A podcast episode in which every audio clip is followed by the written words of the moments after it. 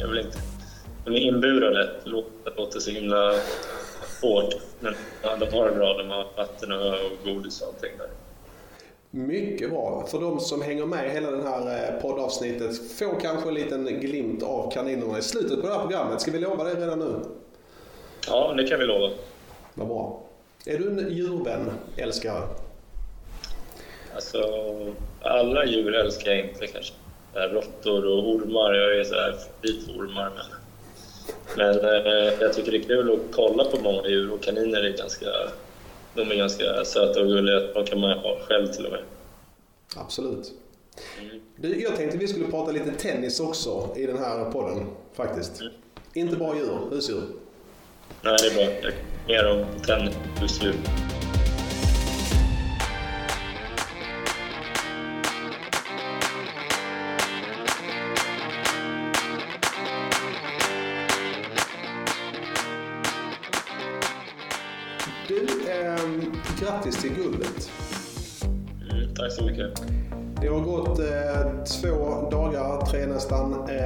efter guldet i lördags. Eh, om jag frågar så här, hur gick tankarna när ni åkte ner från Stockholm inför den här matchen?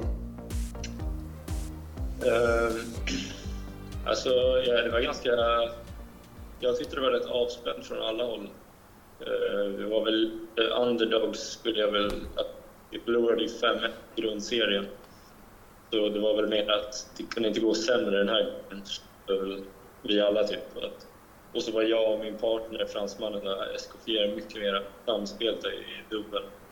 Och vi hade fått lite, eh, flera matcher och liksom lärt oss lite hur spela. Och så hade vi våra estländare, Kenneth också, som jag tränar med varje dag på GTG. Så det var ju liksom en, en viktig spelare för oss att ha. För han kan bidra liksom både i dubbel och i singel. Vilket drama det blev. Du. Båda dubblarna gick till eh, match tiebreak. Ja. Hur mycket fokus hade du på, på den andra matchen? Jo, jag hade en del. Min partner, fransmannen, hade ännu mer. Han kommenterade liksom varje game nästan, hur de break, hur de break upp. Så här. Och sen säger han till mig att jag måste hålla fokus på den här matchen. Och sen tittar han på den när jag är rätt bra fokus. Men, eh, men jag hade ganska mycket fokus på vår egen match. Alltså, det tyckte jag var fullt egentligen. Så, men det är klart man såg ju lite vad det står och sådär. Men eh, ja, mest fokus på vår match. Mm. Det var ju väldigt nära att det blev 1-1 istället för 2-0 efter, efter dubblarna. Det var mycket som avgjordes sedan där.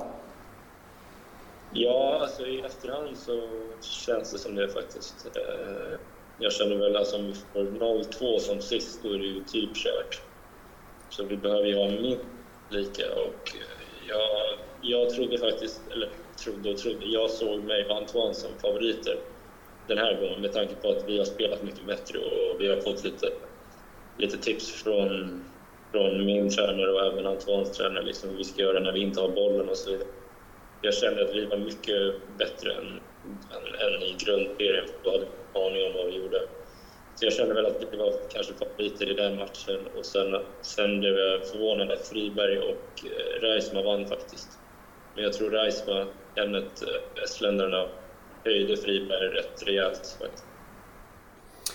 Sen mötte du 17-årige eh, Holger Rune i jättelöftet från, från Danmark. En oerhört välspelad match av det, av det jag såg. Du ledde med 7-5, 4-3 när han tvingades bryta på grund av eh, fotproblem där. Eh, hur uppfattade du själv den matchen? Till och med.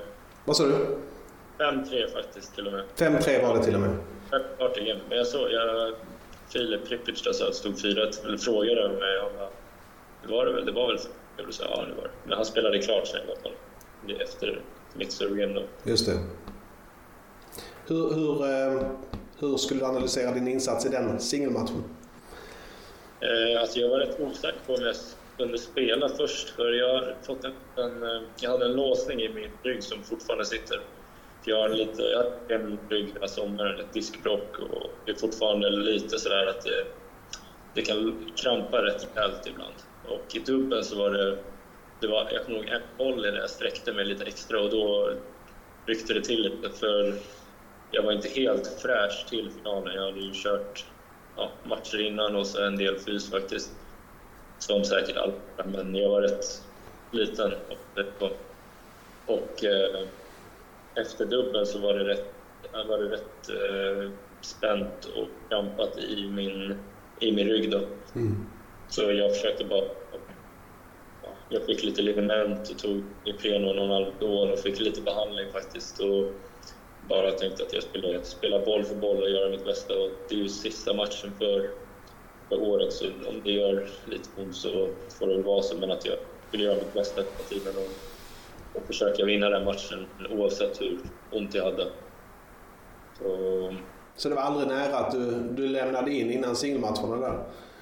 Nej, nej. Alltså, jag tror inte ens jag skulle få det av Pripic. Troligen inte. Nej, troligen inte. Så, men det var lite osäkert efter dubben för då, då var det inte jättebra. Men sen fick jag lite behandling och fick lite, lite smärtstillande som gjorde att det ändå gick att spela. Men du, trots de här ryggproblemen som har förföljt dig lite grann här nu på sistone så har du spelat alla matcher i elitserien. Det har även din klubbkompis Carl Friberg gjort. Det har Filip Bergeby och några andra spelare också faktiskt i elitserien. Men du har ju allra bäst facit av alla. Eh, om man nu summerar de här sju omgångarna. Eh, vilken match skulle du säga är du mest nöjd med under det här seriespelet? Alltså jag är ju inte någon match egentligen. Jag tycker inte jag har spelat bra alls senaste tiden och det har inte känts bra. Jag har varit rätt trött och, och både slut i kroppen och i huvudet. Det har varit mycket träning de senaste månaderna faktiskt för att, för att höja min, min nivå inför nästa år. Men, men ändå sista matchen och även dubbeln och singeln. då, då var det en final och jag ville verkligen liksom vinna den åt soporna och då är alltså, skärpt även fast jag inte spelade på topp den matchen heller, eller ja, framförallt inte i dubbeln, så var det ändå liksom ganska bra fokus på min sida och det var verkligen... Jag gjorde allt jag kunde i varje poäng, tycker jag ändå. Mm. Så det var väl finalmatchen då. Du, vilka olika saker pekar du på som anledning till att Solna faktiskt tar SM-guldet? Sitt första SM-guld någonsin? Ja, alltså ja, jag, vet, jag vet inte egentligen. Vi antar att vi har bra spelare, men också att, att alla som spelar för klubben, och det är ju klart de vill spela verkligen för alla andra klubbarna också, men jag känner verkligen vill, alla vill verkligen spela. Mm. Och att våran fransman, som kanske inte känner att han har jättetillhörighet i klubben, så där att han är där och tränar under året. Men han är verkligen en del av laget och han är vän med mig och med Prippic och, och nu har han blivit nära vän med liksom alla andra i laget. Så det verkar som att alla, alla verkligen, alltså mer än om de spelar själva i Future eller Challenger mm. eller något sånt. De ville verkligen vinna För det är ju inte självklart att man hittar den här sammanhållningen direkt. Det är ju spelare som man normalt inte träffar resten av året. Nej, precis. Men vi är ju det i typ, förutom fransmannen. För både jag, Friberg, Kenneth och, eh, och Sam tränar ju samma GTG, så redan vi är ju lite av lag. Och så Prippic funkar lite som kanske en, en hjälpcoach till mig, framförallt då kanske en coach-coach håller kontakt med hela tiden och jag tränar med honom på helgerna under året och han ger mig alltid lite lite tips och lite råd som, som, ja, som hjälper. Vi är redan ett lag och sen är det ju även Laster och PO framförallt då, som jag haft som tränare sedan jag var tio år gammal, som jag hade i fem sex års tid. Så vi är verkligen liksom sammansvetsade skulle jag säga. Du, eh, vad hände sen då, efter prisutdelningen? Hur, eh, hur firade du detta? Vi åt på en middag tillsammans på ja, en restaurang i Malmö. Och det var jäkligt trevligt.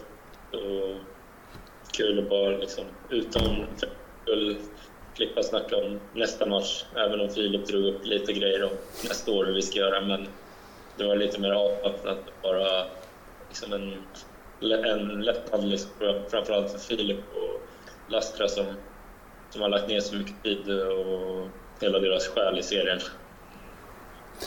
Eh, Filip kom in på redan nästa års elitserie. Alltså, hur, hur gick snacket? Kan du avslöja någonting? Ja, han blev stoppad rätt snabbt av allihopa som bara nej, nu räcker det. Du får inte börja med det här redan nu. Men han, han är taggad för nästa år också. Nästa åren som kommer komma skall också. Och då är Solna lite favoriter. Det var ni i år också. Underdogs kanske. Ja, vi hade ju, alltså från början var det tänkt att både Oskar Otte och Mats Morain skulle vara och spela många matcher var, alltså typ fem matcher inklusive om det skulle bli en final. Då. Mm. Men eh, de båda har nog fotproblem tror jag. Tror Mats opererade sin fot för typ två månader sedan och han har fortfarande inte kommit tillbaka. Och Oskars fotskada är inte heller bra. Så där fick vi redan då lite en, ett setback om det är så. Men, eh, men vi har ju många, vi har ju bred trupp så det var ändå tur det. Men eh, med dem hade vi ännu mera favoriter. Och nu, nu såg jag inte oss som favoriter, jag såg, alltså från början. Jag såg väl mer att Fair Play var kanske större favoriter då. Och Salk skulle också kunnat vara det. Men, eh, men med tyskarna hade vi varit ännu mer favoriter. Tycker jag ändå vi gjorde det väldigt bra. Och det var bra, bra lagande. Du, det här med lagspel verkar vara din grej verkligen. Om jag säger Sandro Erat, vad tänker du på då? Ja, just Davis Cup i Schweiz där i bil.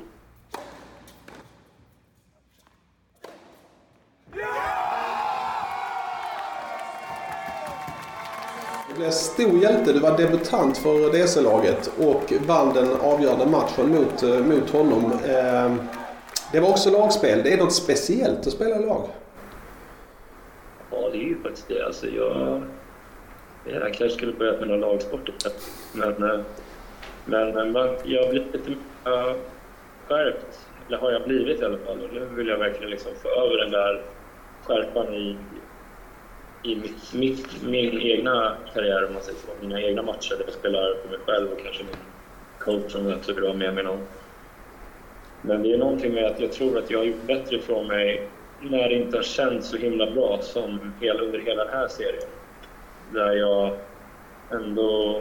Okej, okay, det är inte kanske samma nivå alltid i alla matcher som det är på en Future eller om jag spelar en, en 25 någonstans. Men, men fortfarande att man... man jag, jag koncentrerar mig mer, även fast det inte känns bra, för att ändå vinna för laget och att alla ska... Att laget ska vinna och det är någonting jag måste verkligen alltså, lägga stor vikt på även när jag spelar för mig själv. Mm. Mm. Du, ehm, ska vi ändå stanna kvar lite där 2018, Sverige, Schweiz. Vad, vad minns du från det idag? För det måste vara en av dina absoluta höjdare i karriären. Ja, men alltså det var ju jäkligt skoj. Det var, det var första gången jag var med i reselaget. Så det var ju roligt kul med allihopa och hela den veckan var också alltså, väldigt lärorik och träna med, med alla spelare tillsammans. Och där. Så det var ju väldigt alltså, stort och sen att få avgöra också. Nu hade jag hoppats på att det var Federer eller Wawrinka på andra sidan men André att få duga för den gången. Apropå Federer så har du honom som din förebild i faktarutan som ni såg innan. Eh, han är självklar för dig eller? Jag låg och tänkte lite ett tag där, men alltså det är, nu kanske, alltså, det är klart, alltså, om man ser Federer blir man ju starstruck och med Nadal såklart. Men eh, när jag var yngre var det väl mer att han var en så förebild, liksom, så då. Men eh, nu kanske jag inte riktigt har några förebilder sådär, men om jag måste välja någon så är det alltså, Federer är ju det första jag tänker på. Hur länge tror du vi får njuta av Federer på banan? Alltså, jag har ingen aning faktiskt. Han han verkar ju tycka det är kul att spela tennis över hela världen med vanligtvis fullsatta läktare. Så jag tror väl han, han känner väl så fort fortfarande han har en chans kanske att vinna Grand Slam så vill han nog fortsätta, kan jag tänka mig. Jag vet inte vad som rör sig i hans huvud. Men du, hur mycket längtar du själv tillbaka till Davis Cup då? Eh, det är ju klart, det är ju det, är typ det roligaste som finns att spela Davis Cup. Eh, för alla, man är ju kompis, man blir verkligen liksom ett team när man är med alla killar i laget och tränare och sådär. Så det är ju sjukt kul. Det finns ju inget att säga. Och Sverige är som bekant klar för finalen i Madrid som fick skjutas upp till nästa år då i november. Så hoppas vi att, att vi kommer till spel då. Mm. Eh, om vi tar dig. Du har varit i Solna sedan 2017. Ehm, hur skulle du beskriva den klubben som du nu har varit i ett tag? Ja, alltså den är kanske inte den finaste att titta på om man säger så. Man kollar på anläggningen och... Men det är väldigt fint inuti med alla, hela organisationen och PO i spetsen. Jag tror jag även satte det på intervju där nere i Malmö att det är så många eldsjälar som verkligen brinner för tennis mm. och som vill se att juniorer har det bra och att, eh, och att det finns eh, ett elitserielag som de, som de känner liksom någon form av eh, behörighet till, om man säger så. Eh, vår fransman till exempel bodde hos en av medlemmarna bara i klubben. Så alla har en, liksom en del av elitserielaget. Det är inte så att det bara är, en, är ett lag som spelar serien som kommer och går. Utan vi får träna där under året. De fixar banor till oss och de, kan, de hjälper till med det de kan. Och då är liksom en, och PO har ju varit som en extra far till mig kan man säga, när jag var yngre. Han hjälpte mig hur mycket som helst och tog in mig i klubben och så vidare. Och det är kul att kunna ge tillbaka alltså ett, ett SM-guld till honom då. Som jag vet han har ju velat, velat ha, att Solna ska vara bra i, mm. i tennis. Och PO det är PO Lindqvist såklart. Ja. Eh, du, du, nämnde juniorerna tror jag där. Hur, vad är din bild av juniorverksamheten? Kommer det spelare underifrån, skulle du säga?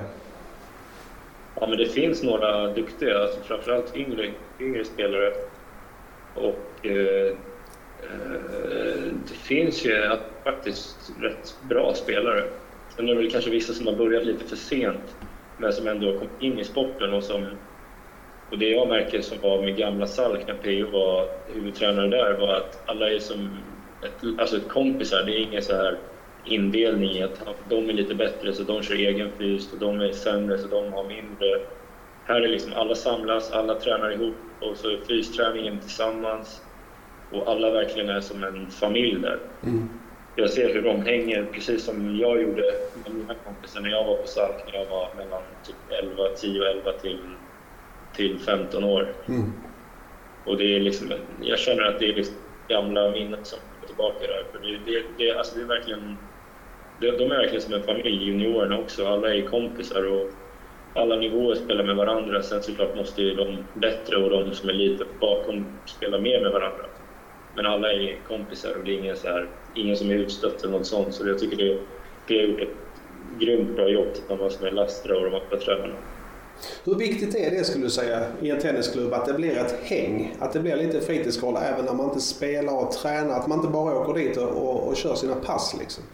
Nej, det, det, det, var så här, det var ju det som var grejen med SALT på den tiden. Att, eh, att vi var ju där liksom direkt efter skolan, så vi var där nio på kvällen. Mm. Och då var det knappt att man hem. Efter träningen så hade vi någon, kanske någon fys ibland. Ibland gick vi över till McDonalds, käkade något, så kom vi tillbaka och spelade på någon ledig bana. Sen bara satt man, det kanske inte alltid jätteproduktivt, men man satt i omklädningsrummet och bara hängde och skojade med varandra som barn gör. Och det byggde liksom en stark eh, kultur i, i våran, alltså i den klubben då. Mm. Det känner jag samma i Solna och det är väl det jag kanske jag är inte så mycket i klubbar och märker inte så mycket, men det, det lilla jag märker är det är ju lite mer så nu då. För alltså när, vi, när jag var yngre så var det verkligen att 92orna, de är tre år äldre än, än min ålder, de var ju liksom såhär, vi var på tävlingen, tog hand om mig nästan. Mm. Men när vi var själva, då kanske de kastade in mig i duschen och grejer. Men aldrig utåt till någon annan klubb. Då var det alltid att man stöttade varandra och det känner jag att PO har gjort ett grymt jobb med. Sen vet jag inte om man tycker det är det viktigaste som finns, men mm. det är väldigt kul för ungdomarna tror jag och det tyckte jag också när jag var i den åldern.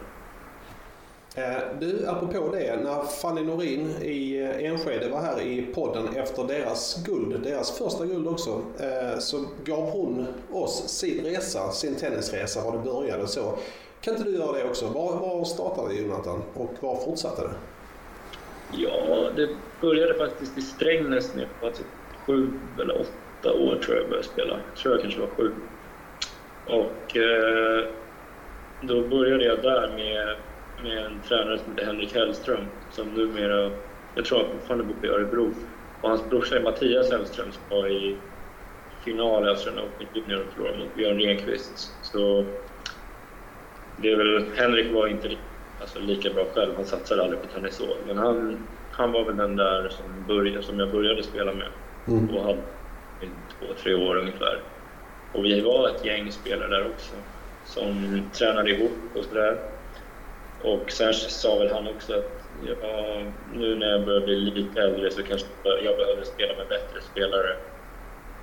Om jag skulle bli om jag skulle vilja satsa på tennis lite mer, som jag redan då ville. Det var det jag gjorde när jag var yngre och spelade tennis hela tiden. Hur gammal var du då ungefär? Ja, mellan 7 till 10. Mm. Och så flyttade vi till eh, Stockholm. Och då var det lite om jag skulle börja i Mälarhöjden eller Salk och så Mälarhöjden var lite längre bort och Salk var lite närmare. Och då blev det Salk. Och så tränade jag på Salk tills jag var 15-16. Jag var kvar i klubben tills jag var 20 tror jag. Tror jag. Ja, så jag var i, i klubben i 10 år ungefär. Mm. Och då hade jag Peoling och Johan Alvén. Och då, som sagt, vi var i så sjukt bra gäng på Salk. Kanske inte alla var de mest seriösa, men vi hade väldigt kul ihop. Och det är alla de jag... Det är mina kompisar från, som jag har nu som är från den tiden på Salk. Så det var verkligen ett roligt gäng som PO svetsade ihop helt enkelt. Och sen så var det Good to Great som öppnade upp där 2010 tror jag det blir. 2010, 2011 och då började jag träna med Magnus. Fortfarande på Salk, men eh, ja, under hans vingar om man säger så så var jag tränade egentligen med Magnus och med Johan Alvén liksom lite kombinerat under några års tid. Och tills jag flyttade till Kungliga ett år för... Eh, eh nu ska vi se här, det var ju många år sedan. Men eh, jag vet att jag pendlade lite mellan GTG och Salk. Jag var lite så här, jag var rätt mycket skadad under den tiden. Jag hade lite problem med armbågen och axeln och, och det var rätt mycket träning för mig just då. Eh, Norman liksom boostade upp och var otroligt bra att få liksom den här träningsmängden. Men jag tror det blev lite för mycket för mig under den tiden. Mm. Och jag var liksom kanske inte mentalt 100% mottaglig för fyra timmar tennis varje dag och två timmar fys, alltså redan i den åldern. Vilket vissa kanske är, men jag tror inte det funkade för mig. Jag ville ha liksom lite kul också med själva tennisen och inte bara se det som ett heltidsjobb redan när jag var 15-16. Men sen blev det att jag, det var ju lite turbulenta på Salt ett tag när Forsblom fick avgå och det var liksom ingen riktig struktur i träningen på Salk och då, då samtidigt i den vevan så startade ju Kungliga den här KTK-akademin. Och, ehm, och då blev det att jag ville testa där ett år. Mm. Och Alvén slutade på Salk dessutom. Han flyttade till Norge eh, med sin fru och barn. Och då så ja, tränade jag på Kungliga ett år med, eh, med Rosenholm framför allt och hade vi en kroatisk tränare, Andrej Tonic. Och Rickard Billing som även hjälpte till som var sportchef då. Ehm, och sen efter ett år så blev det väl att både jag och min syster bytte till Good to Great. Min syster spelar också tennis, lite mera förut Och eh, anledningen till det ja, vet jag inte egentligen riktigt, men, men det var väl mer att jag tror att jag kände väl att jag kanske behövde något nytt. Mm. Det var på GTG då, vi tränade i Järfälla. Vi hade, jag hade Peter Karlsson som tränare tillsammans med Vindal och Fred. Vi kunde resa ihop på samma tävlingar och det var väldigt bra helt enkelt. Mm. Och så då började jag träna på GTG och och samtidigt i den vevan så bytte jag upp till Solna för på grund av PO då, som när jag var 14 eller 15 bytte till Bålman från Salk. Samma veva som jag bytte egentligen till Kungliga när det blev sån stor förändring i klubben då på den, ja, under de åren där. Då. Och sen dess så har jag stått för Solna och tränat på Goods Great i egen anläggning ute i Danderyd. Vilka tränare särskilt är det som har gjort avtryck hos dig skulle du säga? Du har nämnt några stycken. Ja, men alltså, redan när jag var yngre, Henrik Hellström där, han, han, ju, han var väldigt noga med tekniken. Jag vet inte om han var kanske så här, den mest välutbildade och sådär, men han kollade Youtube, han kollade lite bilder och så här, läste lite böcker och frågade sin brorsa om så här och så här och så här borde du göra. Och så försökte han liksom att vi skulle efterlikna kanske något proffs som det var, jag vet inte, Carlos Moyas Foran eller vad som helst. Mm. Och då blev det lite på det sättet att han, gjorde, han skapade ett intresse för faktiskt alla små barn redan då. Att teknik är viktigt och sådär. Och sen eh, Theo och Johan Alvén på Salk då, de var, de var viktiga för mig. Och den tiden, jag var inte, alltså jag var inte riktigt så här jag var ju okej okay i min klass och var väl alltid liksom långt i de större tävlingarna men jag var väl kanske inte riktigt där. Jag tror det blev lite för seriöst för tidigt mm. i efterhand. Att jag liksom satte lite för stora krav på mig själv och även nära runt mig. Att det blev liksom att ja, men Jonathan, du är tennisspelare, det är det du är. Men du, när du säger för tidigt, vilken ålder ungefär var det?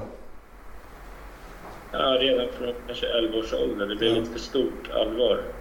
Eh, jag vet inte, vissa kanske som har följt mig på nära kanske håller med, men det tror jag, det är så jag ser det. Det blev inte så... Det tappade lite den här glädjen att bara spela. Och spela matcher. Det blev liksom för stor, eh, stor grej av att spela en match. Eller att, eh, att tennisen blev lite för viktig. Mm. Och jag tror att jag som person skulle alltså, funka bättre när, när jag bara gör det för att jag verkligen vill göra det. Så nu när jag spelar tennis, jag gör det bara för att jag, jag verkligen tycker det är sjukt kul. Alltså jag, jag, om jag inte tycker det är kul, som idag, jag tränar inte tennis idag för att jag har ingen lust. Och du kan inte göra så varje dag, men det är så jag nästan försöker. Jag vill nästan spela varje dag. Men jag tror att det blir om det blir som ett jobb för tidigt och du inte är den här i huvudet, den här maskinen, då, då tror jag att det, det kan liksom hålla tillbaka en lite, att man inte får ut allt och att man, man kanske har mer ångest på banan än, än att man verkligen, verkligen vill vara där och spela. Men det är, det, det är en svår fråga där. Det där är, alltså... Intressanta tankar där. Eh, men hur stort är drivet om du tänker i ett längre perspektiv? Du har varit eh, 508 i, i världen, du är nästan där nu idag. Eh, vad har du för framtidstankar om din tennis? Alltså jag, jag har höga, alltså, stora framtidstankar och, och väldigt höga och, och krav på mig själv. Lite för höga krav när jag spelar matcher eller när jag tränar så jag ibland kan bli liksom för sur eller liksom att det inte går som jag vill. Och jag bara förväntar mig att det ska funka fast det är inte så det funkar. Mm. Man måste ju se det långsiktigt och, och bara köra på helt enkelt. Men men jag, jag, jag vill bli hundra, jag vill bli topp 10 i världen. Jag vill, jag vill bli, ja, jag vill bli en, en, en riktig stjärna i tennis. Eh, sen om jag lyckas eller inte, det får vi se. Men jag, jag tror på mig själv. Alltså jag, inte att jag bara säger det, utan jag vet att jag, jag, kan, jag kan spela tennis. Det är bara att få till det med all tydlighet. Du, du har ju några Future-titlar, både singel och dubbel. Du spelade i Estland precis innan elitserien drog igång här. Vad, vad händer den närmaste framtiden? Närmaste framtiden, alltså det har ju varit tufft med att resa och man behöver intyg, man behöver tester och det är dyra flygbiljetter överallt och det är mm. liksom karantän så det har varit sjukt tufft. Sen har förhoppningsvis haft sista skador med ryggen med diskbråcket under hela sommaren så det har inte kunnat bli så mycket i år. Men nästa år så är det fullt ös och då, även om det är svårt att resa så får det vara lite svårt. Och så länge man kan resa så kommer, så kommer jag liksom göra allt jag kan för att åka ut och resa och spela tävlingar och sådär. Och det är fullt ös är målet och tanken. Bra, det låter bra. Du, innan vi får en liten kik på dina kaniner som snart kommer in i bild här. Hur ser julfirandet ut hemma hos familjen Merida? Ja, det är lite ovisst i år. Eh, men, men jag tror väl det blir rätt som vanligt. Min flickvän har ju också en familj så vi ska vara lite hos båda tror jag i tanken. Jag, jag är ingen sån som planerar så här julafton och in i minsta timma. Alltså jag tar det lite som det kommer. Jag vill bara att det ska mat på bordet och jag kan äta hur mycket jag vill. Är det det viktigaste med julen? Ja, det är viktigt. Sen, sen allt det andra. Liksom. Kalanka och julklappsöppning och julklapps bingo-grejer och så. Det är inget jag någonsin har ja, liksom fokuserat på utan varit säkert göra mat och få några julklappar, typ nya tennisracketar tidigare år och sådär.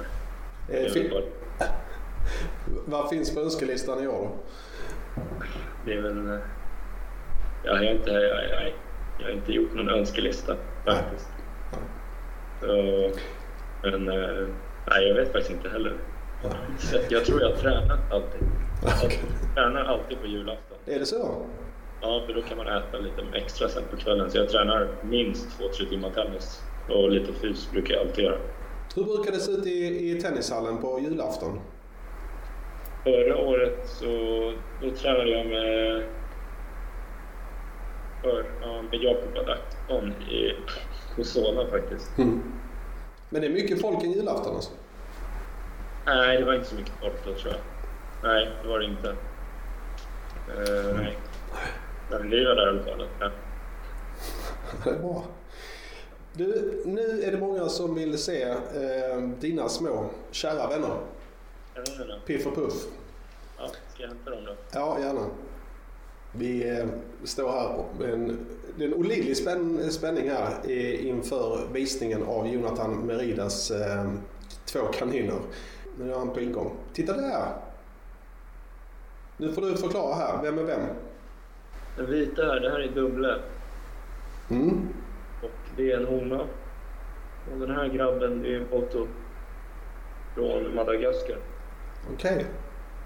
Det är livrädd ut. Vad är det för raser?